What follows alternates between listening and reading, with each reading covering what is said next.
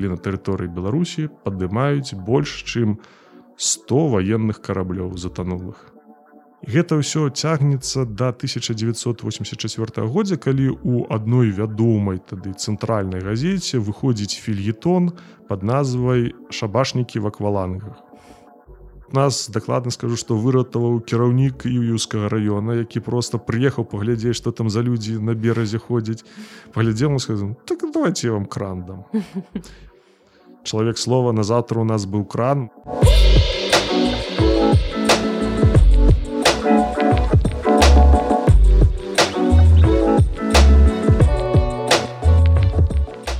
Добрый дзень шаноўна гаспадарства з вами падкаст так склалася гістарычна і я дзягельганна і гэта ўжо шосты выпуск нашага археалагічнага сезону падкасту.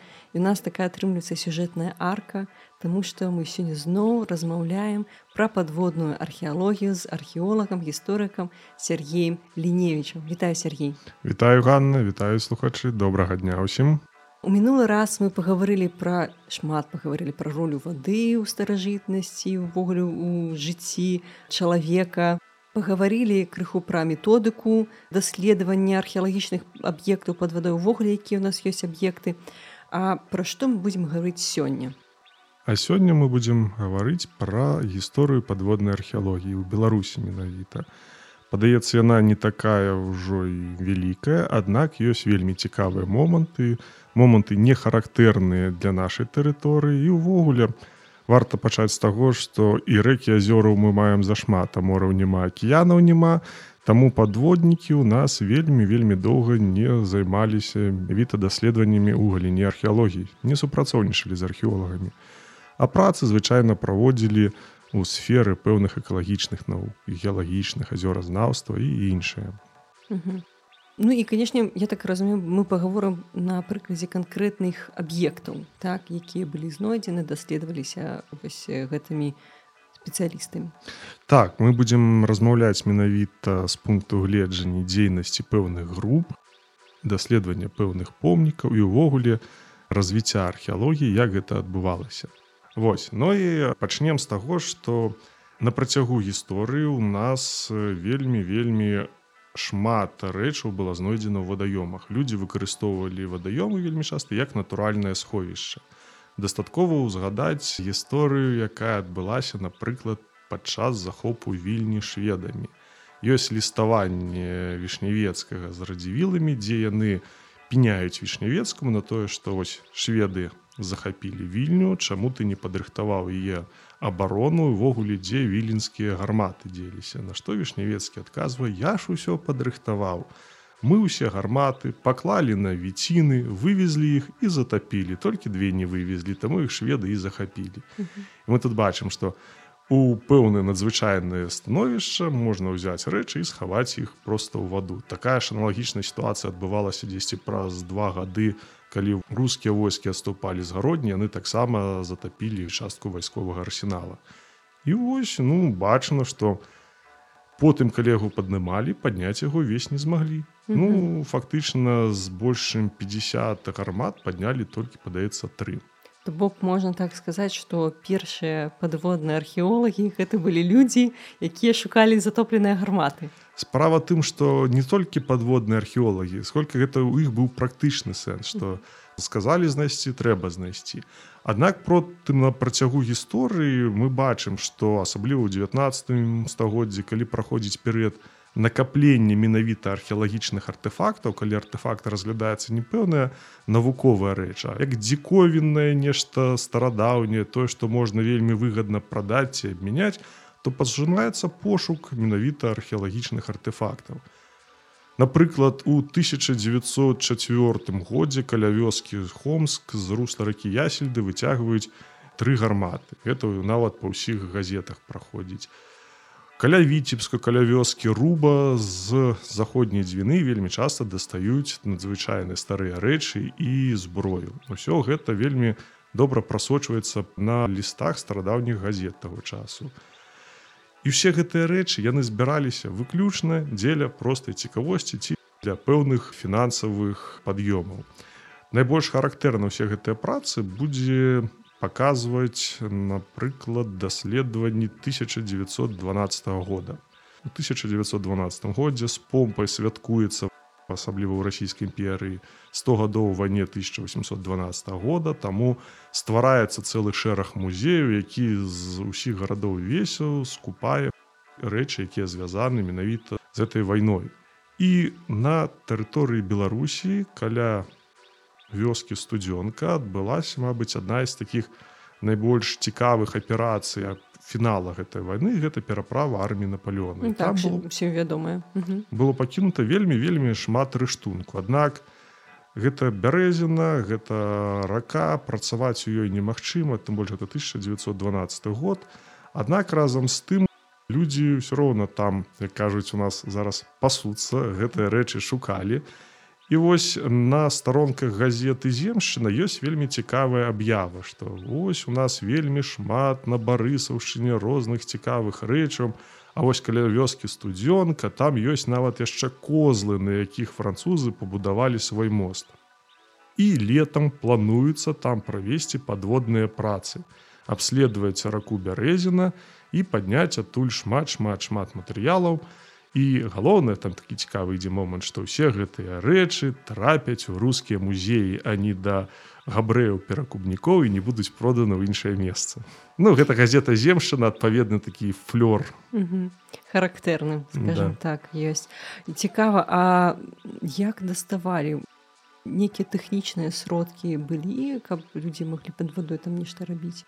Менавіта ў той час дакладна вядома што даследаванні на бярэзіне былі праведзены хутчэй за ўсё кіраваў імі такі аматар збору старажытнасцяў як каладзеяў. Спецыяльна ён спрабаваў адвесці русла ракі бярэзіна каб паглядзець што засталося на месцы пераправ. Потым ён будаваў гідратэхнічныя збудаванні і выкарыстоўваючы землекапалку гэта такая плаваючая машына якая выкарыстоўвалася для паглыблення рэчышча ён даспаднімаў адтуль грунт і з гэтага грунта ўжо выбіралі знаходкі ну мажліва сказаць што это фактычна да это першыя падводныя даследаванні по пошуку старажытнасцяў і по пэўным дадзеным сабраў ён 10 каля 70 пудоў рознага рыштунку. Ну з аднаго боку гэта канешне падаецца і шмат. З другога боку ось прыклад марцірная бомба пачатку 18 стагоддзя яна важыць каля 48 кілаграм што пераводзе дасць к нам тры пуды. Дабы ж калі там просто збросілі гэтыя бомбы таксама 70 пудоў будзе не шмат Аднак шкада мы не ведаем дакладна што было знойдзена колькі чаго было знойдзена то і адпаведна дзе яно цяпер знаходзіцца да дзе яно цяпер знаходзіцца ну вядома што частка калекцыі кладзеева на трапіла ў барысаўскі музеі частка была вывезена за гады вайны а частка ну згубілася і вось і пасля 1912 года пасля такіх ось пашуковых прац на бярэзіне у нас падводная археалогія і змоўкла можна толькі ўзгадаць напрыклад у 30 1939 год калі адбываецца увогуле не характэрная для беларусі падзея калі на тэрыторыі беларусі падымаюць больш чым 100 военных караблёў затанулых. Адкуль узяліся? Вось вось. Я таксама калі пра гэта даведаюся у мяне быў пэўны шок а потым я зразумеў усе ведаюць пінскую военную флатылію. Так. а пінская военная флатылія гэта была фактычна у тая вайсковая адзінка якая была сфармавана з рачной флатыліі рэчы паспалітай. Часоў пілсудскага. У 39 годзе калі савецкі саюз пачаў вызваленчы паход на тэрыторыю заходняй беларусі і амаль вайсковыя часткі яму не супраціўляліся. Але трэба разумець псіхалогію марыманаў яны трошкі на сваіх караблях завернуты. Яны пачалі актыўна загада абараняцца ім не было яны пачалі актыўна вынішчаць матэрыяльна-тэхнічную базу і знішчылі каля 105 караблёў. Штосьці ўзарвалі штосьці затапілі штосьці разабралі на дэталі пакідалі гэта ў раку. І ў 39 годзе у нас 10 кастрычніку месяцы на тэрыторыі беларусі прыбывае група прон экспедыцыя падводных работ асобага назначения у з тэрыторыі Савецкага саюза і яны пачынаюць актыўныя працы па пад'ёму ўсіх гэтых караблёў. І вядома, што паднялі яны за 39 сороквы год каля 105 караблёў. Прычым працы павінны былі працягнуцца яшчэ і ў 1941 годзе. І вядома, што група адзескага эпрона яна выйшла на тэрыторыю Беларусі, выплыла так сказаць, аднак не даплыла таму, што пачалася вайна. Усе гэтыя караблі, што мажліва было адрамантавалі, яны ўвайшлі ў склад пінскай ваеннай флатыліі, і загінулі потым у часы ўжо вялікай айчыннай вайны. Прычым апошні з гэтых караблёў, які ваяваў у 41 годзе паднялі даволі недавно у 2007 годзе. Гэта манітор Вінніца і былы так сказаць манітор Мозер. Можна яго паглядзець зараз у слаўгарадскім музеі. Ёсць яго паднялі і ён часткі ад яго знаходзіцца ў музеі. І такі выпадак, што ў нас на тэрыторыі Беларусі паднялі больш за 100 баявых караблёў, я думаю, просто можна ганарыцца гэтым ну, такая складаная аперацыя канешне тым больш яшчэ пачынілі то бок ну гэта такая складана тэхнічна і матэрыяль тым больш для 30-х гадоў складана тэхнічна складана матэрыяльна і мы бачым што ўсё ж такі пэўныя традыцыі падводных работ яны ў нас з'яўляюцца. Тым больш што на тэрыторыі пінска знаходзіўся рачны порт ведаем і што ў гэтым рачным порце у саставе пінскай флатылі былі вадалазныя групы ў тым ліку. Прычым як за палякамі так і за саветамі. Гэта Ага то бок вось гэтая экспедыцыя падводная асобага назначення прон так і прон гэта ўсё ж таки базавалася не ў беларусі так але і ў беларусі былі вадалазныя групы вось у пінску так у пінску пры рачной флатылі польскай так былі вадалазныя групы ну гэта ўжо трохі іншая гісторыя ну так это напрамую да нас не адносіцца да нашай тэмы так добра А што адбывалася пасля вялікай чыны вайны пасля другой сусветнай вайны пасля вялікай чыны у нас была такая доўгая доўгая пауза і толькі дзесьці ў 1961 годзе у супрацоўнік берасцейскага музея разам з краязнаўцам вырашылі выкарыстаць вадалаза падчас абследаванню замку жаберы. Менавіта спрабавалі абследаваць рэчышча ясельды і абвадныя рвы. Аб гэтым захавалася заметка ў газеце заря падаецца да абласная зах... газета зара да. захавалася заметка ў газеце аднак не справаздачы па гэтых даследаваннях ні вынікаў яе невядома. Аднак я мяркую, што калі вынікі шырока не публікавалі, значыць нічога не было. Вадалаз плёну не прынёс. І ўсё ізноўку цішыня, цішыня, цішыня, паўза пры гэтым нават у археалагічнай галіне існаваў цэлы шэраг пытанняў. Напрыклад, а дзе помнікі каменнага веку на тэрыторыі поўначы Беларусі. Куды яны зніклі, там нават выдвігаліся пэўныя тэорыі о том, што гэта была некая тэра інкогніта зямля дзе была забарона сяліцца аказалася што ўсе яны знаходзяцца под вадой за змены ўзроўню вады адбылося адразу памяншэнне люстры возера а потым яго павелічэнню выніку вельмі значная колькасць стаянак была затоплена. Аднак тады то пра гэта не ведалі і ў канцы 70-х гадоў складваецца цэлы шэраг абставін які даў штуршок зараджэнню і развіццю падводнай археалогіі ў беларусі. Тут такі цікавы момант паглядзець што робіць гісторыю абставіны ці менавіта асоба. Так у 1970 годах у канцы 79 годзе беларускі археолог міла дучыць знаходзіць затопленае паселішча на гарадзішчы маскавічы побач з гарадзішчам ёсць селішча было заўважна што кожны год з вады на беразе выпадае вялікая колькасць артефактаў якія храналагічна аднолькавы артефактам якія знаходзяць менавіта на самім гарадзішчы. Значыць узнікла меркаванне што хутчэй за ўсё под вадой есть затопленае паселішча. І людміла дучыць выкарыстоўваючы аматараў вадалазнага спорту якіх у той час было вельмі шмат існавалі розныя клубы праводзіць першаснае абследаванне. І да атрымоўваюцца вынікі што под вадой дакладна ёсць паселішча. Дадатак у гэты час збіраюцца будаваць даўгапілскую гэс. Менавіта пабудова гэтай гэс прывядзе да таго што ўзровень вады ў заходняй дзвіне паднімецца і амаль там да 5 метраў некаторых месцах Зразумела, што не толькі ў заходняй дзвіны, але ўсёй воднай сістэмы, якая з ёй звязана. Таму археолагі пачынаюць праводзіць вельмі актыўныя працы і шукаць помнікі. Зразумела, што вельмі велізарная частка помнікаў яна будзе затоплена і разам будуць затоплены такія помнікі эпіграфікі, як барысавыя камяні.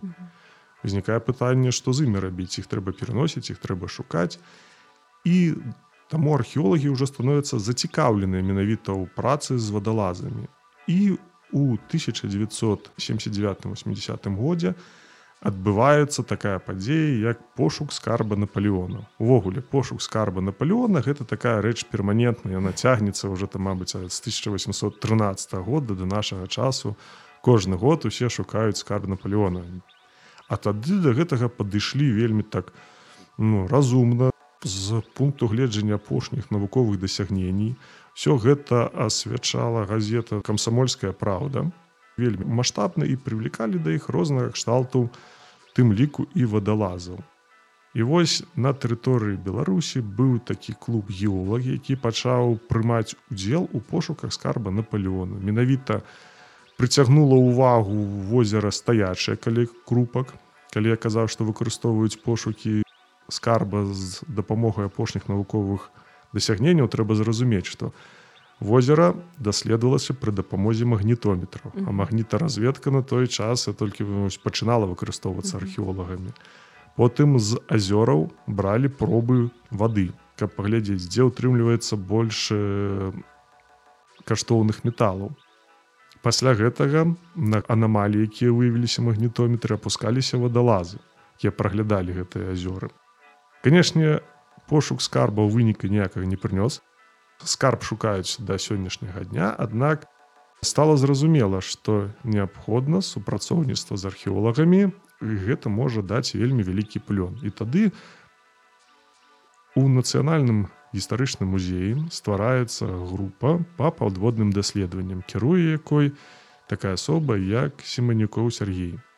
Што цікава менавіта у склад гэтай групы не ўваходзіць ні адзін археолог не ўваходзіць ні адзін гісторык. Відавочна што склад групы гэта людзі па інтарэсам якім проста цікава папрацаваць паныраць паглядзець і хоць неяк прывесці свой адпачынак выходныя дні. То бок гэта не прафесійны нейкія вадалазы а аматары. Так гэта аматары. Ну пры гэтым яны праходзяць курсы вадалазнай падрыхтоўкі. Напрыклад у кіраўнік групы ён меў за плячыма скажем так армейскія вадалазныя курсы. І по яго інфармацыі якую выкладаю сваіх успамінах ён нават ваяваў ён быў баявым плаўцом. Вось дзе дакладна ваяваў ён не піша. Хутчэй за ўсё гэта можа быць в'етнам ці той рэгіён. Ну глядзячы па храналогіі па часе так, так. Вось арганізоўваецца група якая атрымоўвае назву API по-русски экспедиция подводных историко-археологических исследований ці по-беларуску экспедыцыя подводных гісторыка-археалагічных даследаванняў Вось пры нацыянальным музеі і ўзнікае пытанне што ну вось давайте узаемадзейнічаць і адразу ну падаецца ўсё прыгожвася археолагі вось подводнікі і трэба ўзаемадзейнічаць узнікае пытанне а як фактычна першы момант то археолагі-то под воду не ходзяць mm -hmm. на той час. Это трэба рыхтаваць археолага каб ён мог спусціцца под ваду. Ці другі спосаб з гэтага выйсці трэба ўзяць і адправіць вадалазаў на гістарычны факультэт каб яны атрымалі адукацыю. Аднак это атрымаецца 5-6 гадоў. Mm -hmm. таксама не выхад. Ну і застаецца трэці момант это плотна працаваць менавіта з вадалазамі каб яны набраліся опыта Аднак фактычна археолагу вельмі складана ў дадзеных умовах, Таму што што адбываецца пад вадой ён не відзіць. А як так можна працаваць? А вадалас не ведае, на што трэба звяртаць увагу. І гэта акалічнасць такая вельмі відавочна на справаздачах. Справаздача па выніках даследавання, прычым першыя справаздачы ідуць за аўтарствам менавіта дучыцца, потым ідзе справаздача за аўтарствам семанікова і дучыцца пасля гэтага ўжо з перарывам праз некалькі гадоў ідуць да менавіта справаздачы за аўтарствам семанікова відавочна што Сергей за пэўны час ужо атрымаў пэўныя веды. Дык вось працы група пачынаем у 1981 годзе. Прычым даследаванні ідуць вельмі актыўна.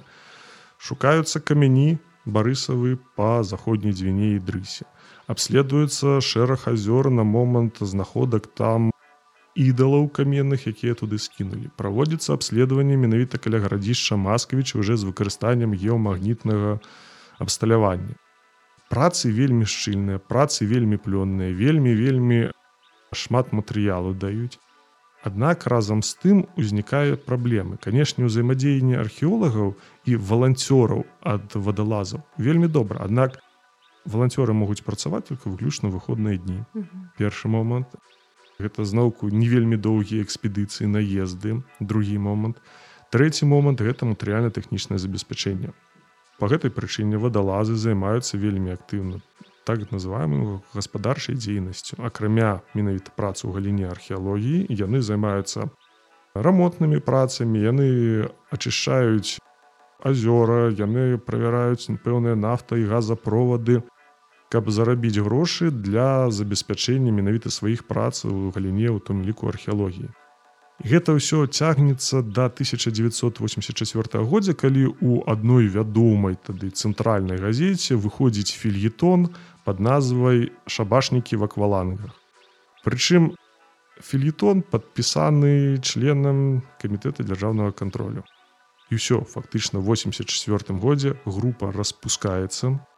Усе, хто з ёй супрасоўнічаюць, атрымалі, як кажуць, па шапке і працы спыняюцца. Тры гады менавіта Сергею Семанюкову спатрэбілася для таго, каб, па-першае, даказаць, што філітон гэта паклёп, вельмі значны. Другое ачысціць усіх членаў групы. Трэцяе правесці эканамічныя расследаванні. І ў выніку ў 1987 годзе у гэтай жа газеце выходзіць артыкул, які праводзіць абвяржэнне папярэдняга філітону. Аднак ужо тры гады страчана, групу трэба ствараць зноўку.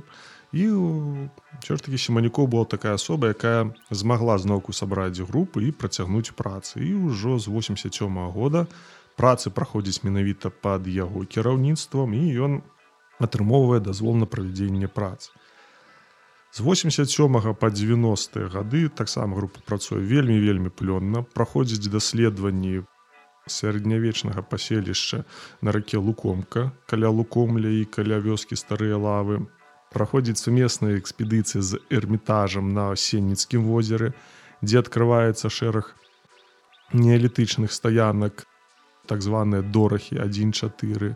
Акрамя гэтага дадаткова абследуецца цэлы шэраг азёр беларускіх на перспектыву выяўлення помнікаў археалогіі і праводзяцца працы по абследаванню чаўна ў рацэ шчара менавіта робяцца спілы човен шкада на той час не паднялі. На сённяшні дзень мы спрабавалі там паплаваць паглядзець яго ўжо няма.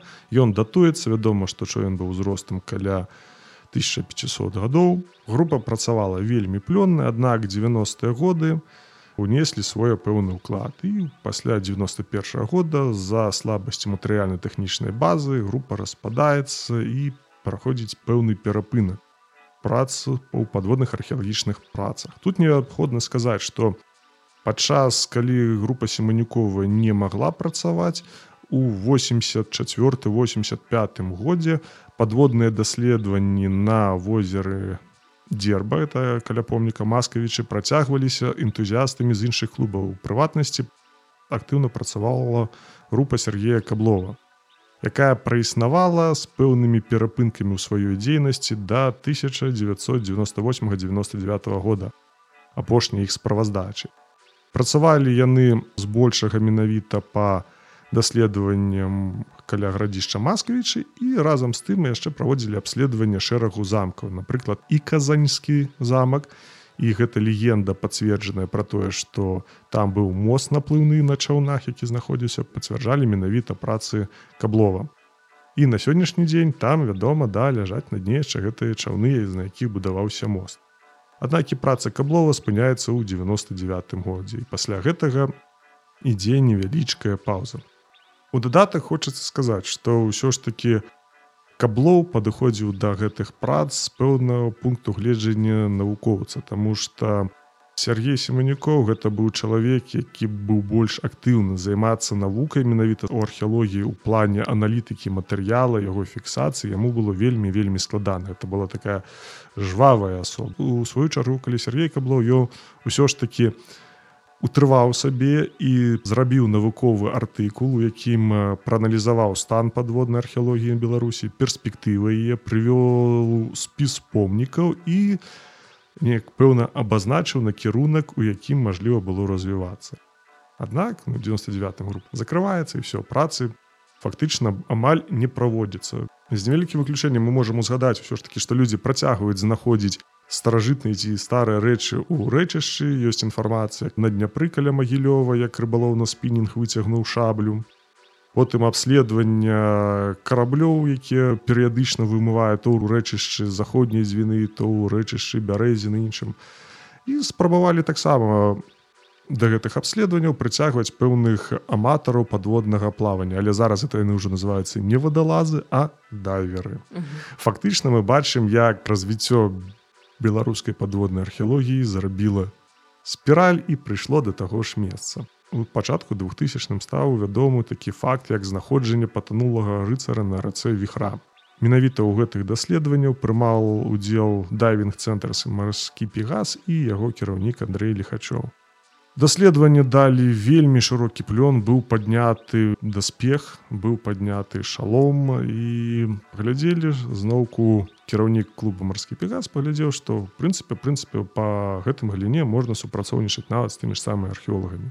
І ў 2014 годзе паміж дайвінг цэнтрам марскі пегас інстытутам гісторыі нацыянальнай акадэміі навук беларусі праходзіць падпісанне паперы аб узаемадзеянні і на базе гэтай паперы ствараецца група падводнай археалогіі куды уваходзіць ваш пакорны слуга і група пачынае актыўна працаваць. Аднак адной з умоў стварэння гэтай бургрупы было менавіта тое што археолагі таксама павінны апускацца пад воду. Яны павінны прайсці курсы падрыхтоўкі па дайвінгу.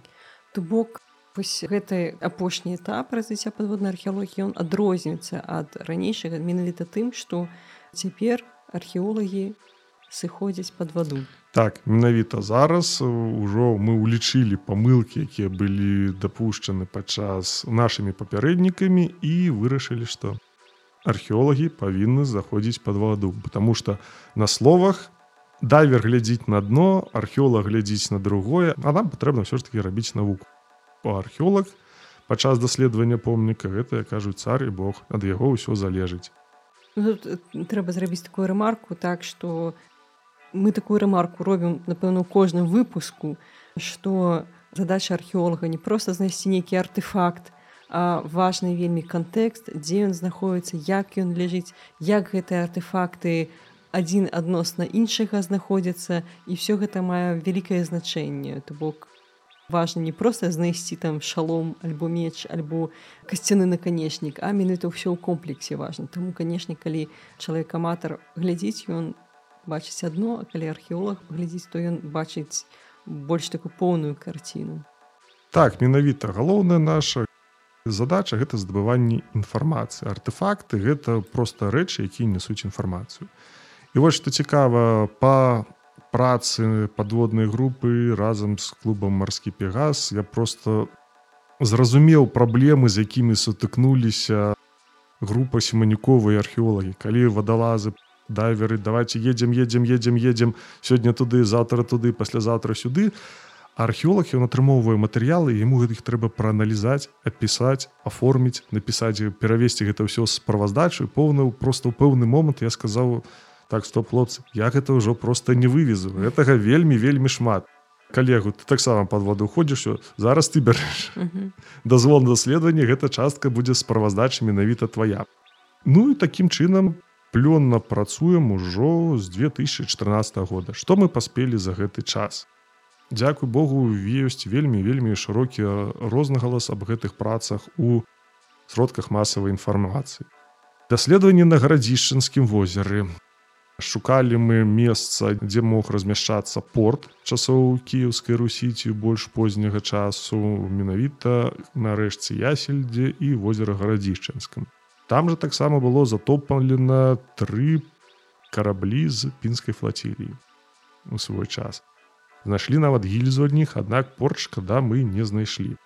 Потым нам, мабыць, такі найбольшы рознагалас атрымала знаходка чаўна каля вёскі Миколаева і вюскага раёна гродзенскай вобласці.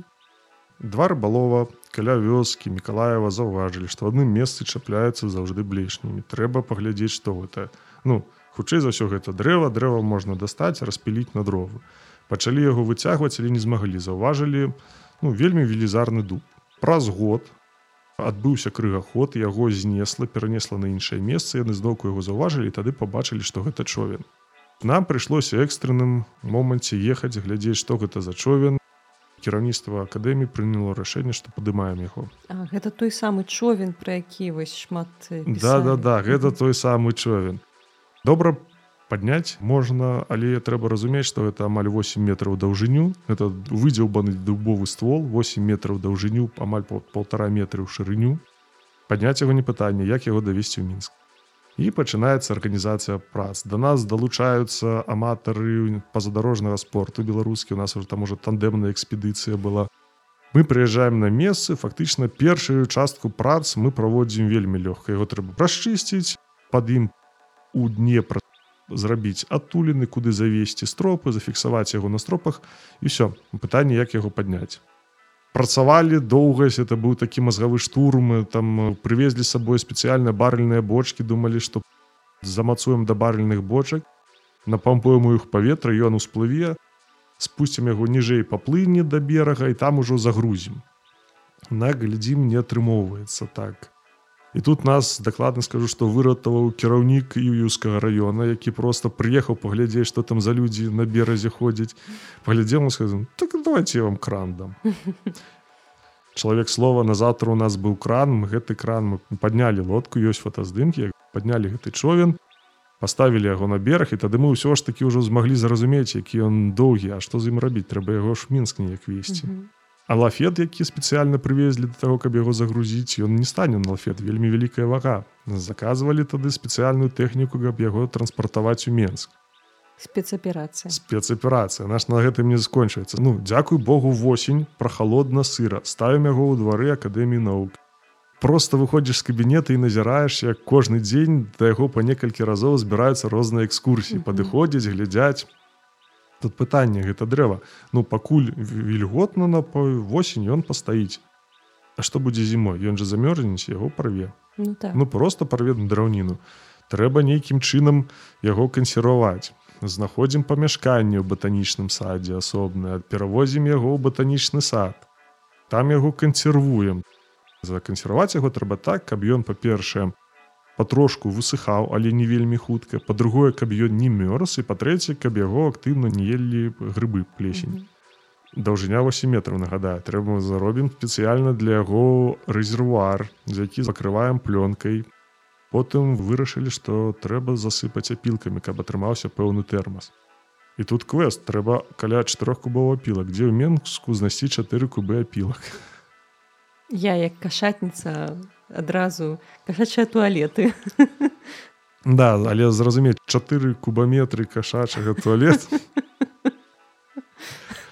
Вось пашанцавала знайшлі ў батанічным садзе у іх ёсць свая піларама. Але я абзваніў большасць адукацыйных устаноў якія займаюцца навучаннем спецыялістаў па дрэваапрацоўцы кажуць «Та няма у нас все вывезлі Мгм.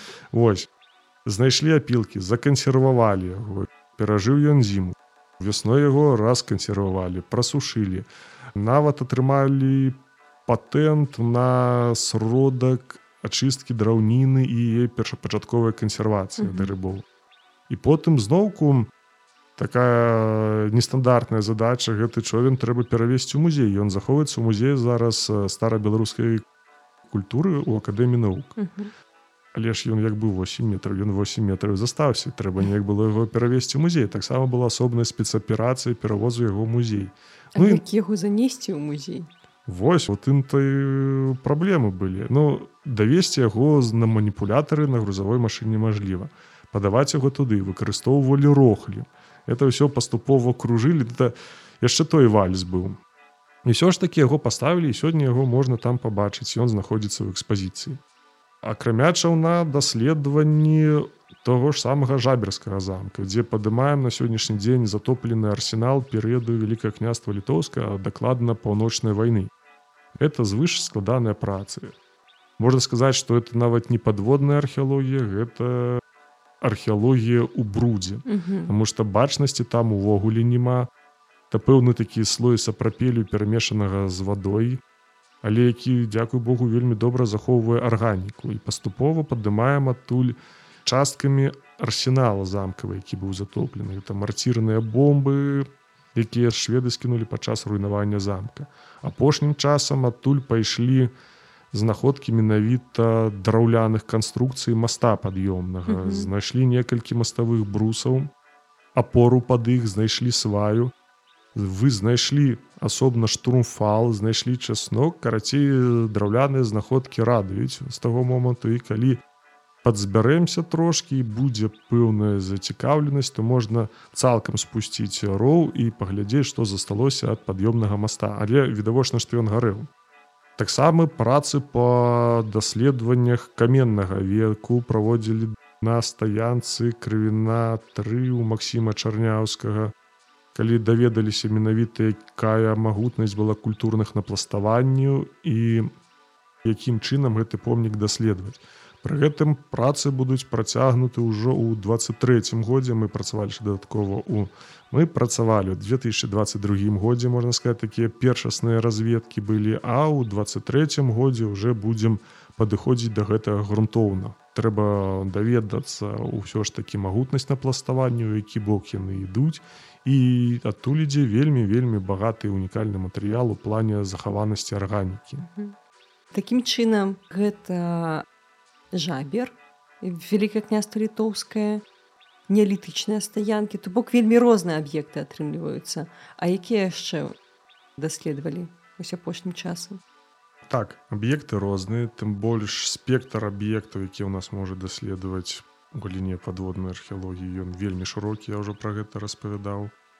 Разам з тым вельмі часта стае пытанне аб магчымасці правядзення і фінансаванні гэтых работ. Адзін з такіх паказальных момантаў гэта даследаванні на тэрыторыі каля вёскі студзёнкай знакаміта месца пераправы вялікай арміі Наполеона як я ўжо пачынаў з гэтага што там там зноў у нас сюжэтная арка. Да некалькі ўжо стагоддзяў там калупаюцца працягваюць калпацыі на сённяшні дзень а разам з тым даследаванні калі праводзілі менавіта ўжо з выкарыстаннем метадаў падводнай археалогіі нягледзячы на ўсе гэтыя пошукі таксама атрымалі вельмі цікавы матэрыялу прыватнасці было усталявана дзе знаходзіліся масты. Быў выяўлены цікавы матэрыял у тым ліку пэўныя унікальныя рэчы як шабля мамлюкаў. Пра гэта ўсё можна даведацца з публікацыі вадзіма ивановича кошмана кіраўніка гэтых работ. Акрамя гэтага таксама спрабуем праводзіць даследаванні дзесьці марскі пегас працуе сам менавіта на асобных рэчах якія знойдзены ў вадзе. Ну прыклад это шалому з бабруйскай які быў выяўлены. Там працавала менавіта ўжо група марскога пегаса по абследаванню акваторый.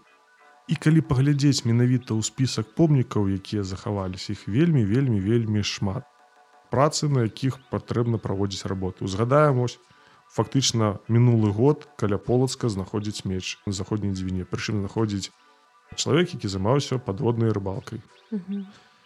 потым акрамя полацка фактычна з дняпра выцягваюць цэлы цалкам захаваўшыся неалітычны гаршок А калі паглядзець яшчэ у розныя археалагічныя карты спісы помнікаў там дзе менавіта запісаны ўзгадкі я просто хапаюся за галаву. І пэўны час прыходзіцца пэўныя аб'екты просто выкрэсліваць. Напрыклад таго ж самага Сергей семаніко ён напісвае працы на возеры шо. Калі да іх звярнуліся з камітэта дзяржаўнай бяспекі ў той час і сказалі што ведаеце у нас тут ёсць такая інфармацыя што возеры шо на дне знаходзіцца крыжы. Трэба сплаваць паглядзець сплавалі паглядзелі адразу нічога не заўважылі потым высветлілася што гэта могілкі якія былі затопленыя за павышэнне ўзроўню вады ў возеры. Вось і такіх фактычна аб'ектаў нам для працы хваціць на вельмі вельмі шмат гадоў наперад. У мяне такое традыцыйнае пытанне да ўсіх нашых гасцей.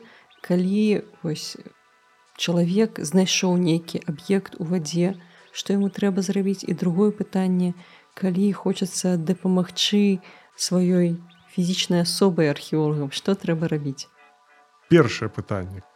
Калі вы нешта знайшлі ў вадзе увогуле знайшлі нешта звязанае з археалогіяй званіце археолагам. Телефоны ёсць ёсць сайт інстытута гісторыі там нават ёсць персаналі кожнага археолага. Вы можете выбраць каму пазваніць дакладна больш сімпатычны. Да хто больш сімпатычны Вось і вы можете патэлефанаваць і паведаміць інфармацыю што там ты там то нас знойдзена то-то і то там калі вы любіце ўсё больш так і было дакладна грунтова можна напісаць зварот у інстытут гісторыі там што там-то то-то знойдзена калі ласка праверце і другі момант менавіта пра дапамогу справа тым што на сённяшні дзень вельмі шмат экспедыцый калі не большасць археалагічных яна базуецца ў асноўным на валанцёрах. Ёсць две катэгорыі. Гэта студэнцкія практыкі і менавіта валанцёрскія экспедыцыі.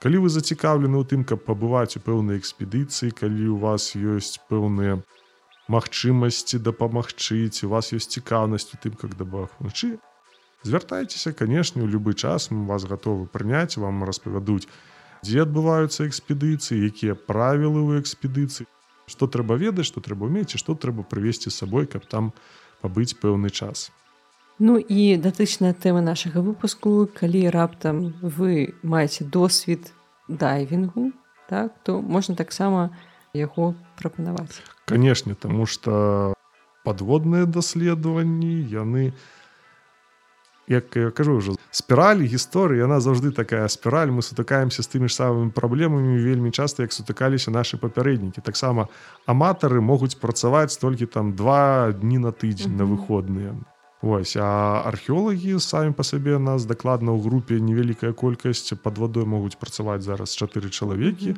Трэба разумець, што это таксама фізічная праца даволі складаная вельмі цяжкая. Ну так і ў розных умовах. Я вось казала ў ранейшых выпусках, што нягледзячы на тое, што зараз зіма, мы пішам выпускі зімой і гэта як бы не сезон археалагічны, але таксама не так-то проста было археолагаў некаторых вылавіць у менску каб нават запісаць гэты выпуск тому что выратавальныя раскопкі праходзяць у любых умовах фактычна. Фактычна да. Плюс трэба сказаць на тым жа самым жаберы мы працуем якраз зімой. І вось сёлета такая зіма ну не вельмі снега шмат але аднак рэкі ўскрытыя а тым часам калі брэкі былі закрытыя то мы працавалі на жаберы зараз.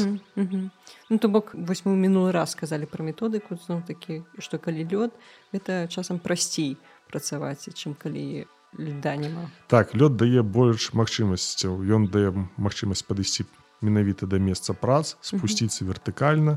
Аднак разам з тым ён і дае пэўныя засцярогі менавіта ў плане жыццезабеспячэння там што пад льдом трохі цямней працаваць складаней аднак вода больш чыстая хаця ў жаберы якая там чыстая вода? Зімой і летом аднім бруд так. Добра дзякуй вялікі за такі вельмі цікавы расповед поспехаў плёну добрага матэрыялі тэхнічнага забеспячэння.